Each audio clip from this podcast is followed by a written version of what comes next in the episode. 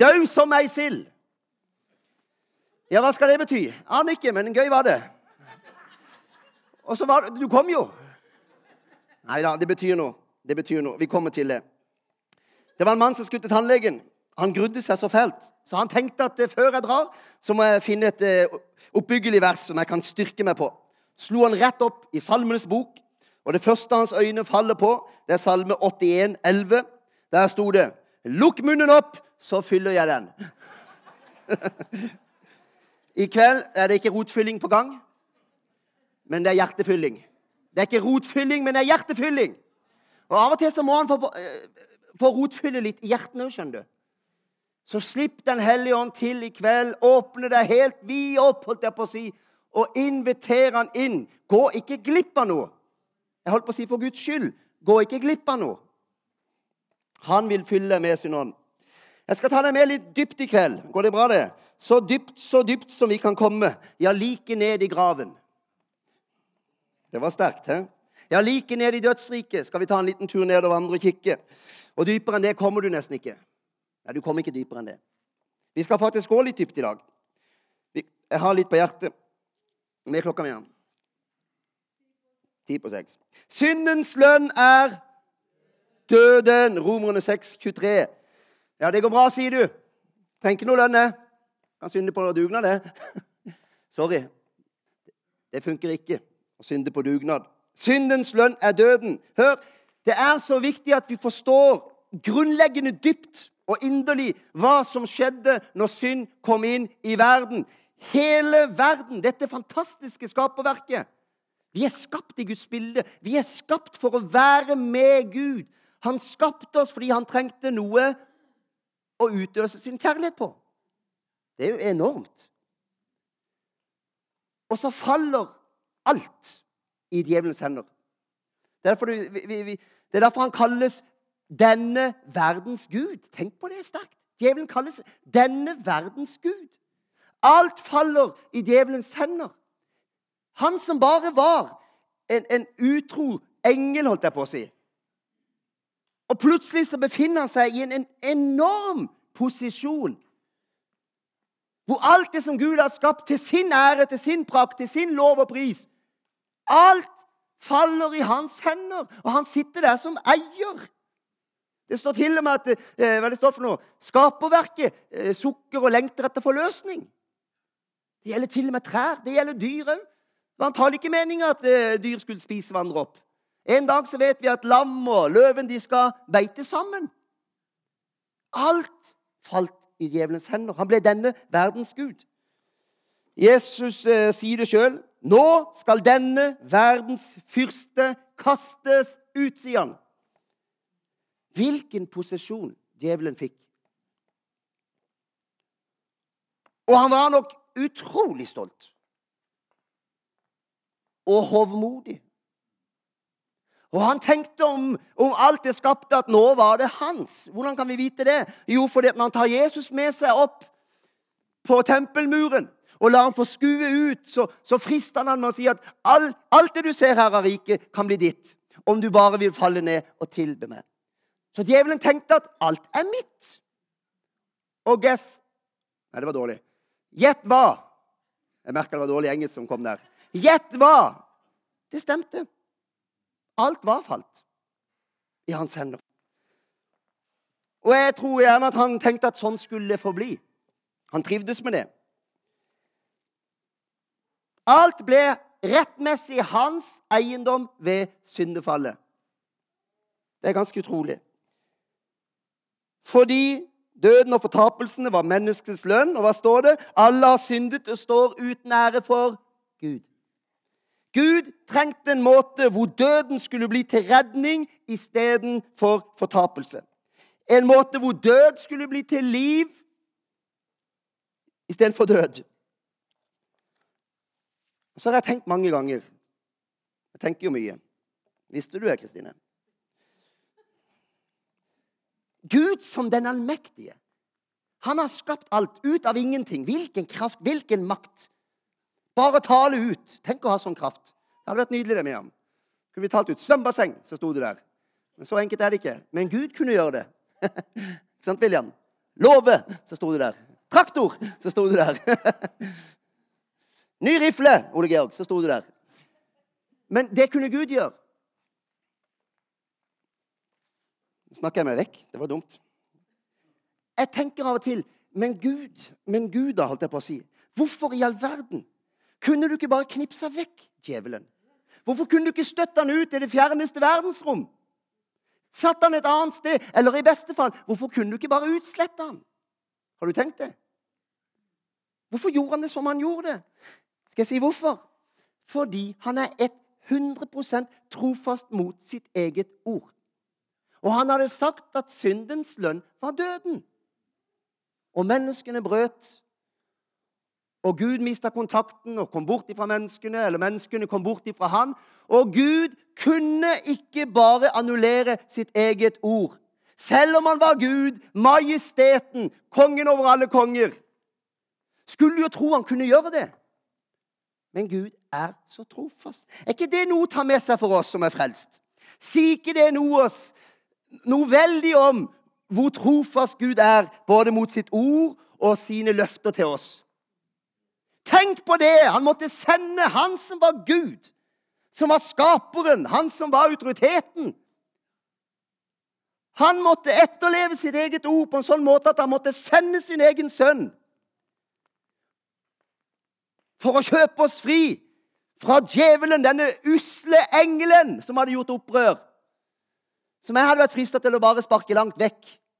Men han gjorde ikke det, for han holder sitt ord. Det er ikke alltid vi forstår det, men det sier noe om Gud. Han holder sitt ord. Han sendte sin egen sønn som syndoffer i samme slags kjøtt og blod som syndige mennesker har, og holdt dom over synden i oss. Har du merka den formuleringen? Han holdt dom over synden i oss. Vi er så vant til å høre at han sonte våre syndere, men han holdt dom over synden i hver og en av oss. Hvilken dom var det? Var det djevelens dom? Det var ikke djevelens dom. Kanskje du tenker det var djevelens dom? Det var jo straff og fortapelse. Må jo komme fra djevelen. Nei, faktisk ikke. Det var Guds egen dom som han lot ramme Jesus Kristus på korset for at vi skulle få slippe. Der kan dere si amen, halleluja vel. Tenk at han som er Gud, skaperen eller den mektige, måtte kjøpe oss tilbake. Tenk at han av alle måtte betale og kjøpe oss tilbake mot en fallen engel som bare var ond. Så trofast er Gud mot sitt ord. Han, han er sånn i, sin natur. Han kan faktisk ikke gå mot sitt eget ord. Du vet, Djevelen han trodde Jesus var beseira. Kan jeg ta deg med på en liten tankerekke? Det står ikke konkret i Bibelen, men tilgi meg hvis det, hvis det blir veldig galt for deg. Skal jeg slette det for minnet ditt seinere? Kan du se for deg djevelen når han reiser ned igjen i dødsriket etter å ha triumfert. Endelig så henger sønnen der, denne Jesus som han hadde vært bekymra for. Det er lett å merke. Han prøvde å friste han. Hvorfor det? For han visste at hvis Jesus gjorde bare så mye som én synd, hva ville skje da? Da ville han høste det samme som vi har høsta. Syndens lønn er døden. Og hele greia ville vært spolert. Og han ville også tilhørt djevelen. Tenk på det. Det var Gud villig til å risikere. Å miste sin egen sønn. Det hadde ikke vært noe unntak for han. Men han var syndfri. Så kommer han ned der i dødsriket da, for å motta hyllest og ære for alle sine demoner. Jeg ser for meg de står liksom på rad og rekker og hilser stolte. Når Satan kommer ned igjen og skal ta imot all hyllesten. Og han vandrer mellom rekkene av sine demoner, som ærer han og hyller han som sin konge. Så vandrer han opp til sin trone, setter seg der og er fornøyd. Plutselig så slår det ned et lys i et hjørne av dødsriket. Og aldri før har det vært lys i dødsriket, og aldri noe guddommelig lys. Det er helt sikkert. Demonene de, de, kaster seg nok til bakken, for et sånt hellig lys som det, er, det tåler de ikke. Og ut av dette lyset så kommer det vandrende en. Men han vandrer i autoritet som en prins, med styrke og kraft. Han går ikke der som de andre trellene, nedbøyd, skjelvende, redde. Han går med verdighet opp mot djevelens trone. Og, og djevelen ser hvem det er, og skjønner det er Jesus som kommer. Så vandrer han like opp til djevelen, og så sier han, 'Gi meg nøklene til dødsriket'. Og så kan ikke djevelen gjøre noe annet enn å faktisk bare overlevere nøklene. Det går kanskje sakte, men sikkert opp for han hva som er i ferd med å skje. Og så vet vi han var der. Var det tre dager? Dødsriket. Så vandrer han rundt der nede. Står lite hva han gjorde, men vi vet iallfall én ting. Han befridde fanger. Så vandrer han rundt der nede som Guds sønn i dette lyset. Og så forkynner han evangeliet selv i dødsriket, tror jeg. Og så får de en mulighet til å ta imot. Det, det er nåde over nåde. De ble ikke frelst i dette livet engang. Men han reiser ned, og så henter han de ut. Og djevelen kan bare sitte og se på. At han låser opp dødsrikets porter og sprenger opp bommene. Og fører med seg tusener på tusener som han trodde var sine. Som han var stolt av å eie. Det begynner å rakne for han. Og dette er jo bare begynnelsen. Tenk, det skal rakne skikkelig for han en dag. Da skal han i Gjett hvor han skal da? Da skal han i ildovnen. Og nå er han klar over det her. Nå, har han å nå vet han det. Nå vet han at det her er ikke noe som han får råde over. Han har tapt slaget, og en dag så har han tapt fullstendig. Skal han i ildovnen. Det er ikke rart han kjemper så lenge han kan. Nå er dommen sona og gjort opp, og da skjer det mirakuløse. Hør godt etter nå. Slik Det blir litt teologi i dag. Tåler du det? Slik ble lovens krav oppfylt i oss som ikke lever slik kjøttet vil, men slik ånden vil. Hva betyr det? Slik ble lovens krav ble oppfylt i meg og i Miriam. Og det stopper ikke der, tro det eller ei. Oppfylt i enhver som tror. Hva vil det si? Lovens krav. Hva var lovens krav? Det var Begynner på F fullkommenhet. Guds standard var så høy. Derfor kan du lese loven. Den er så streng. Ingen mennesker kunne få det til. Guds standard var så høy.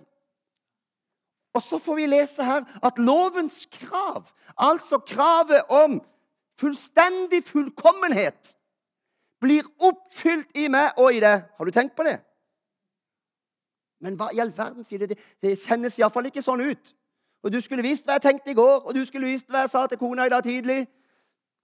Når ikke jeg fikk det pålegget jeg ville ha på skiva, ferdig smurt. Skulle hørt meg da.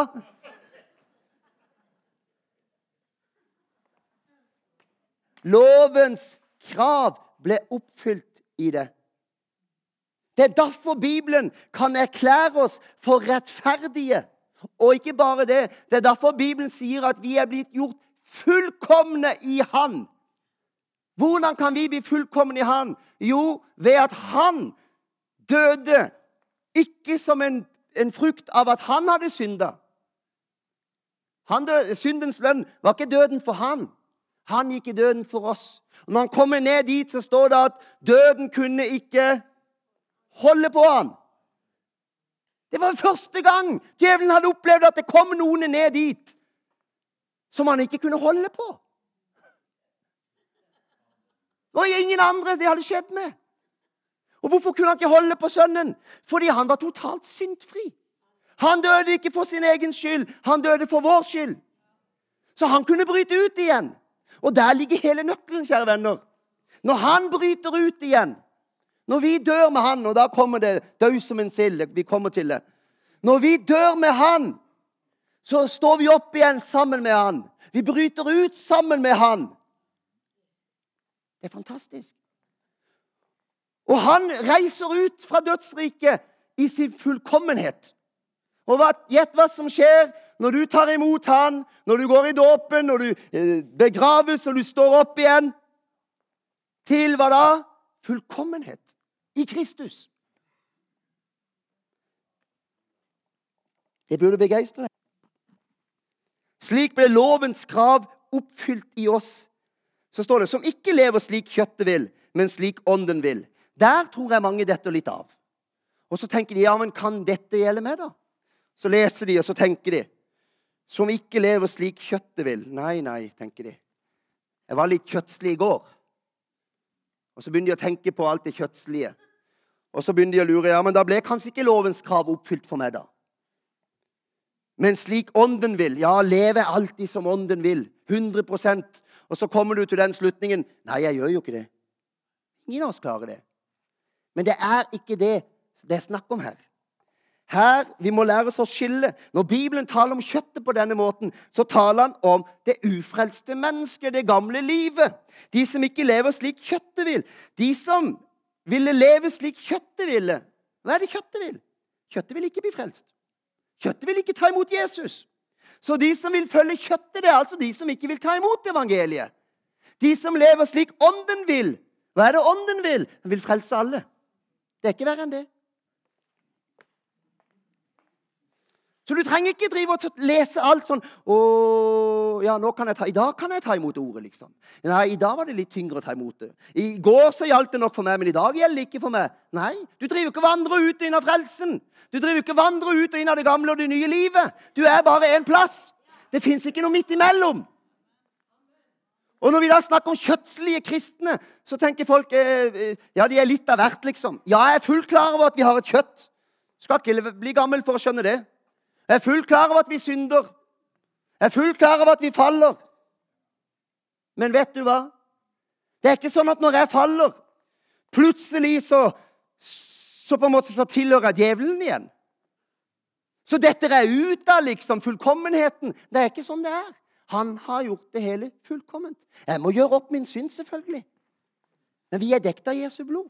Vi må se dette, vi må se storheten i det. Men det er ikke kjøttet som har makten over dere. Det er ånden. Så sant Kristi ånd bor i dere. Og alle disse ordene, så sant, gjør folk usikre. Ja vel, men har jeg nok ånd i meg, da? Gjelder det meg? Hmm. Ja, gjelder det det? Ja, det gjelder det. Alle som tror, alle som har tatt imot. For det står 'Den som ikke har Kristi ånd, hører ikke Kristus til'. Har du tatt imot Jesus, har du Kristi ånd. Og da er det ikke kjøtt som har makt over deg lenger. Ja, men jeg, jeg hører du sier det, men det oppleves jo ikke sånn. En god nyhet til det. Jeg vet godt at det ikke oppleves sånn. Men det fins en objektiv sannhet som er mye større enn din opplevelse. Og den er så viktig å få tak i. Noen blir veldig redde da og tenker at ja, nå, liksom, nå, er det ikke så farlig om vi synder lenger. Nå trenger vi ikke være så nøye med hvordan vi lever. Det er ikke det jeg snakker om i det hele tatt. Langt ifra. Men du må skjønne din posisjon i Kristus. Det er ikke snakk om hvordan du føler alltid.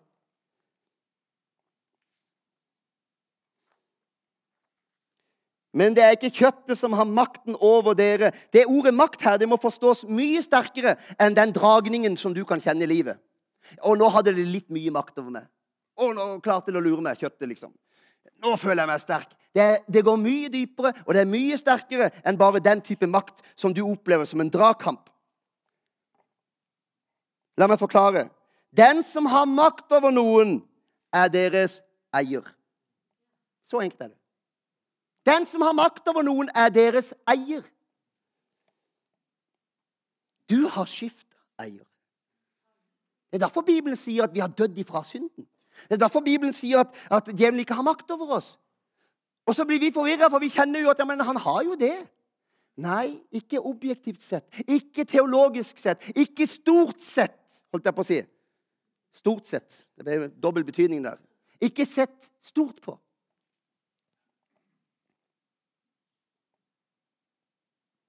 Slik ble lovens krav oppfylt i oss, altså fullkommenhet. Hør, Hvis du dør uten han, så kan du ikke bryte ut av dødsriket. For da dør du som en konsekvens av din synd. Du har ingenting til å kjøpe deg fri med. Men vi får henge oss på han. Det er fantastisk. Derfor er dåpen viktig. Derfor må vi forkynne dåpen. Det er klart vi skal gå i dåpen. Og det er klart vi skal reises opp fra, eh, fra, fra dåpen, holdt jeg på å si, som er en begravelse. Hvor mange blant oss snakker om hvis vi mister noen, at hvor mange diskuterer om vi skal begrave våre døde? Klart vi skal begrave våre døde. Det er helt naturlig. Det er klart når vi tar imot Jesus, vi skal gå i dåpen. Det er klart at når vi dør med Kristus, så skal vi begraves. Det er helt selvfølgelig, ikke sant, Roald? Og så, så kan du være så glad for at du blir ikke liggende der. Du blir reist opp igjen. Det er et nytt liv sammen med han. Fantastisk. Hør. Vi sier ofte 'Han døde for oss, så vi skulle slippe'. Hvor mange har hørt det? Alle. Og det er jo sant. Men det er ikke helt sant. Og det er ikke noe dårlig nyhet. Men Det kan høres ut som en dårlig nyhet. Men for hver den som vil bli frelst, så må vi hver og en dø med Kristus. Og dette skal vi si noe om til slutten. Det er så utrolig viktig at vi skjønner hvorfor vi dør med Kristus. For det vil åpne eh, på å si, blikket ditt og forståelsen din på at du er kjøpt fri fra noe. Du har forlatt noe. Det er noe som ikke lenger har makt over deg. Fordi du har skifta eier. Nettopp fordi du døde. Og Det skal jeg bruke den siste tida på. Det er egentlig litt dypt, men heng med. Hvorfor er det så viktig at vi dør så lenge han døde for oss? Hvorfor må jeg dø når han dør? Det er ganske viktig. Hør. En gift kvinne er etter loven bundet til mannen sin så lenge han lever. Men dersom mannen dør, er hun løst fra loven som bandt henne til mannen. Slik er det også med dere, mine søsken. Gjennom Kristi kropp er dere døde for loven. Dere tilhører en annen, han som er stått opp fra de døde, for at vi skal bære frukt for Gud. Men nå er vi løst fra loven. Vi er døde fra det som bandt oss. Derfor tjener vi Gud i et nytt liv i ånden. For synden har ikke lenger noen rett over den som er død. Synden har ikke rett over den som er død. Og egentlig Det han sier her, det er at vi, vi er jo trolova med Kristus nå. Men på mange måter så var vi trolova med Satan. Vi var juridisk bundet til han og kunne ikke komme fri. Han eide oss. Og Når Bibelen løfter fram det her, så er det så viktig å skjønne det. At når en dør i et ekteskap, så blir den andre fri. Når vi dør sammen med Kristus, så dør vi bort ifra Satan.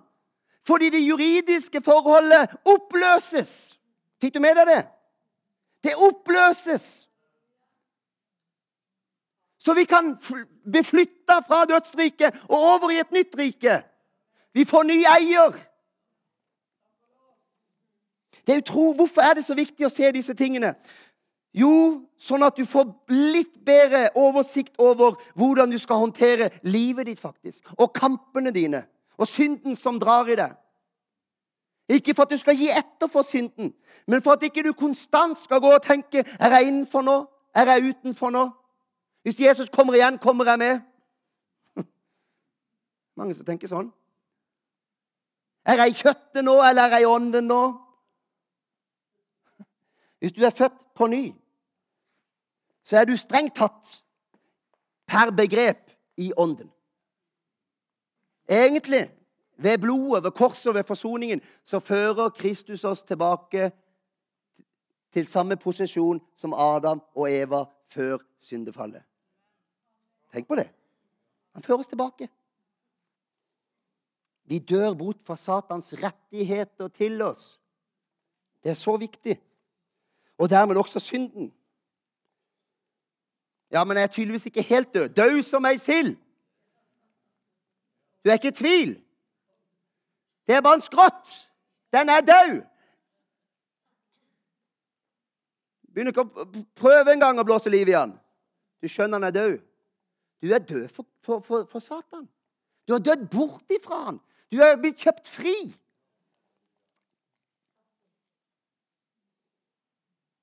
Han sitter bare igjen med gravstøtta, eventuelt. Jeg vet ikke om han har gravstøtta der nede som et minne om oss før vi forlot han. Aner ikke. Og i tillegg så er den grava tom. det er ikke mye han sitter igjen med. Men han prøver å lure deg hele tida. Han prøver å skape forvirringen i sinnet ditt. Han prøver å skape fordømmelse overfor deg hele tida. Han prøver å fortelle hele tida ja, men nå er du litt, er du litt på gale sida her, så nå, eh, nå, spørs det hvor lenge den frelsen holder. Spørs om nåden dekker dette. Alle har tenkt sånne tanker. Har dere ikke? Ja, er det noe vei tilbake for meg, da? Ja, Det spørs om det er noe vei tilbake for meg, fordi jeg har gjort så mye. Det er djevelen, vet du. Han vet at han kan ikke tvinge deg tilbake. Du ble kjøpt fri. Du er ute av hans hender. Så det eneste han har igjen, det er å lure deg. Han har forblindet Hva står det? De vantros sinn. Det er han jo veldig god til. Men vet du hva? Han er, kan være ganske god til å forblinde våre sinn òg. For oss til å lese Skriften ut ifra selvfordømmelse, ut ifra nederlagsfølelser, ut ifra lav selvfølelse. Og så klarer vi ikke å få fatt i hvor sterkt det her faktisk er. Hvor dypt det går.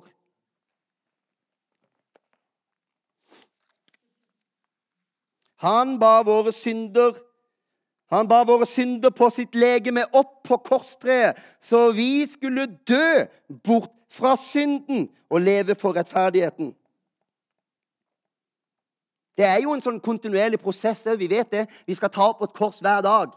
Vi skal det. Vi skal la Hans ånd fylle oss hele tida. Men allikevel, dette skjedde i et nu, i et mikrosekund, når du ble frelst. Så momentant så var du død fra synden. Hvorfor det? For du var ført ifra syndens rike over i Guds rike. Der er det jo ikke noe synd. Jeg skal gjøre det enda mer radikalt for deg. Hold deg fast. Når Paulus, og det ordet har forbausa meg Paulus sier, 'Når jeg synder, så er det ikke meg selv som synder', sier han. Men eh, det gamle mennesket i meg, eller kjødet i meg, det har jeg stussa over. Ja, Men dette er jo ansvarsfraskrivelse, har jeg tenkt.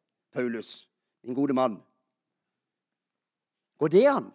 Skal du ikke ta ansvar for livet ditt og synden din? Jo da, det skal du være helt sikker på at han gjorde. Han kjempa faktisk ganske mye, virker det som, pga.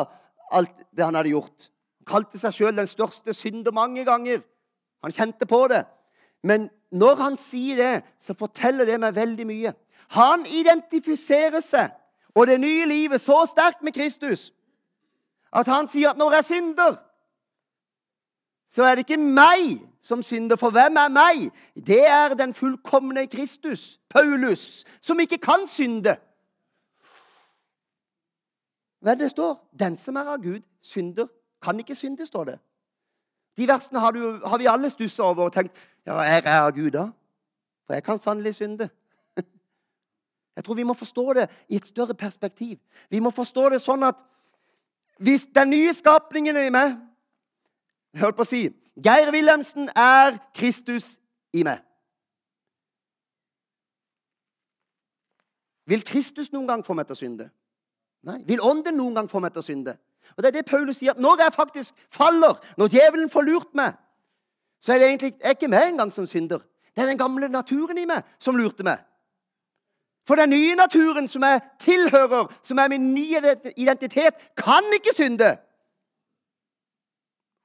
Det er veldig radikalt. Kan starte en reformasjon. Derfor sier Bibelen at den som Sønnen får frigjort, han blir virkelig fri. Du blir satt fri fra djevelens rike, bokstavelig talt. Frelse betyr fri nakket. Altså lenkene, slavelenkene, blir tatt av. Hvorfor det? Fordi det var en som satte nøkkelen inn og låste opp og frigjorde det og førte deg ut fra trellskapet og førte deg ut ifra én posisjon over i en ny en, som er så mye bedre. Og så har du ikke lidd en hvilken som helst død, man heller. Du har blitt korsfesta med ham. Vi vet at vårt gamle menneske ble korsfestet med ham for at det legeme som er under synden, skulle gjøres til intet. Hjelpe meg! Det blir jo verre og verre. Det blir jo mer og mer radikalt. Det skulle gjøres til intet. Og vi ikke lenger være slaver under synden. Det gamle syndelegemet er blitt gjort til intet, altså utsletta. Ja, men jeg kjenner meg ikke igjen, Geir. Hva du snakker om? Dette er jo virkelighetsfjernt. Dette er jo ikke livet som vi opplever det. Nei. Men Det er noe annet. Det er Guds objektive sannhet. Den står like fast. Står ikke her og fornekter vanskeligheter. Står ikke her og fornekter at vi synder, og at vi faller. Er du i tvil om meg, så spør Miriam. Det gjør vi alle. Men det fins sannheter som er viktige å få tak i. Som er like sant uansett hva du måtte oppleve. Uansett hvor mye du måtte kjempe livet, så er de like sant. De som hører Kristus til, har korsfestet sin onde natur med dens lidenskaper og lyster. Den som er død, har ingen forpliktelser til gamle avtaler lenger. De avtaler vi hadde med djevelen, nærmest. For synden har ikke lenger noen rett over den som er død. Amen. Dette er ikke sånn kjempelett å ta med en gang. Og la meg si at jeg er fullt klar over Paulus sier at vi skal legge det gamle bak oss og strekke oss etter det som ligger foran. Og jeg er fullt klar over at vi bærer våre liv med oss, vår historie, våre sår med oss. Og det er en annen tale, en sjelesørgerisk tale. Hvordan blir vi fri fra bindinger? Hvordan, hvordan blir vi fri fra vår his vanskelige historie? Hvordan seirer vi over synd i det daglige? Det er ting vi også må prate om, og vi må deale med det. Og vi må forholde oss til det. Og vi må søke renselse og tilgivelse og søke å bli fylt av Han. Alt henger sammen her. Men den objektive sannheten må du ha ved siden av. Samtidig som du tar opp ditt kors hver dag, og du vet at du kan bli mer og mer helliggjort. Du blir ikke mer og mer rettferdiggjort. Du blir fullt ut rettferdiggjort på korset sammen med Han. Men du kan bli mer og mer helliggjort når du lever sterkt med Han. Så du må holde de to tankene i hodet samtidig. Hvis vi bare fokuserer, som jeg opplever gjøres ganske mye i en del kristne sammenhenger, veldig mye på denne sida Altså at vi, vi, vi, skal skape forståelse for alt mulig, hvor vanskelig det er, hvor tungt det er. Eh, så, skal, så, er jo det bra på den ene sida. Men hvis det er sånn at sannheten i Guds ord, som er utrolig sterk og utrolig revolusjonerende Hvis den ikke kommer fram fordi vi alltid bare løfter fram denne sida det sjeliske, holdt på å si, det menneskelige, det psykologiske, så står vi i fare for å ikke få øye på noen voldsomme skatter. Som faktisk også er med å hjelpe deg videre. Fra historie, fra sår, fra smerte. Jeg holdt på å si, Det er jo den beste terapeutiske behandlingen du kan få. Det er å begynne å se hvem du er. Og se hvor utrolig radikalt det er at du er blitt flytta over. Selv om du kjemper fremdeles, selv om du faller fremdeles. Det kan sette deg fri, det. Så begynner du å ta fatt i de riktige tingene. Kom, Anita, for jeg klarer ikke å stoppe. Du trenger ikke stå og kikke ned i grava lenger. ikke det herlig? Du finner ikke noe der i grava. Den er tom. Du er blitt reist opp igjen. All synd, all skam, all fortid er utsletta. Tenk på det. Når du begynner å dvele ved Guds ord, vet du, så kan det være at du litt mindre begynner å minne Gud på alt det gale du har gjort. Som han har kasta i forglemmelsens hav og glemt og ikke dveler med, men du dveler med det. Så du må minne Gud på det hele tida. Du minner Gud på alt det han har glemt, og ikke husker lenger. Det kan være at når du begynner å gripe disse sannhetene, at du begynner å minne Gud litt mindre. Og stadig litt mindre. Og på den måten kan du bli litt fri, langsomt, men sikkert, i ditt indre. Fra alle kampene. Amen.